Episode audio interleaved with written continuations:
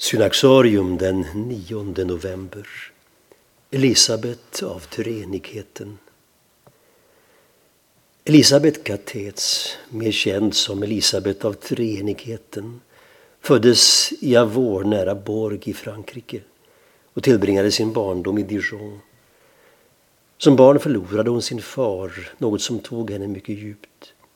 Trots att hennes mor motsatte sig det sökte Elisabet sig djupare in i trons värld. Hon var också en begåvad pianist och tillbringade mycket tid i musikaliska kretsar utan att förlora sin kärlek till det inre livet. 21 år gammal inträdde hon i ett karmelitkloster.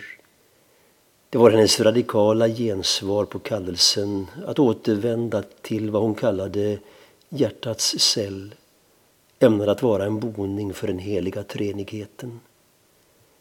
I dikten Karmelitnunnan skriver hon Karmelitnunnan är en erövrad själ, helt uppfylld av Gud för att alltid kunna ge honom.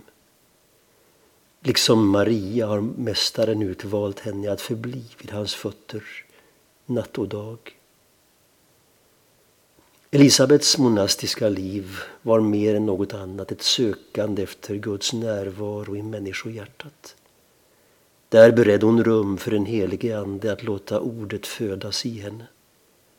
Själen är som en spegel som återspeglar allt vad Gud är, skriver hon. Det är som en oändlig avgrund som han kan strömma ner i och utgjutas i. Det är som en kristall som han kan genomskåda och låter honom betrakta all sin egen fullkomlighet och skönhet.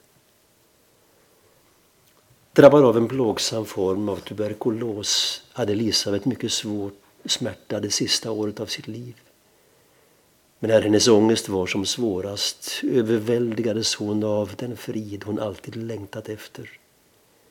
Genom att ständigt meditera över Bibeln, särskilt Paulus brev, fick hon nåden att förvandla sitt kors till en kärlekens väg utan gränser.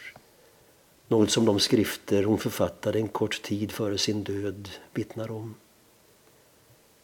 Den 8 november 1906, efter att just ha firat sin 26 födelsedag, dog Elisabet med orden på sina läppar.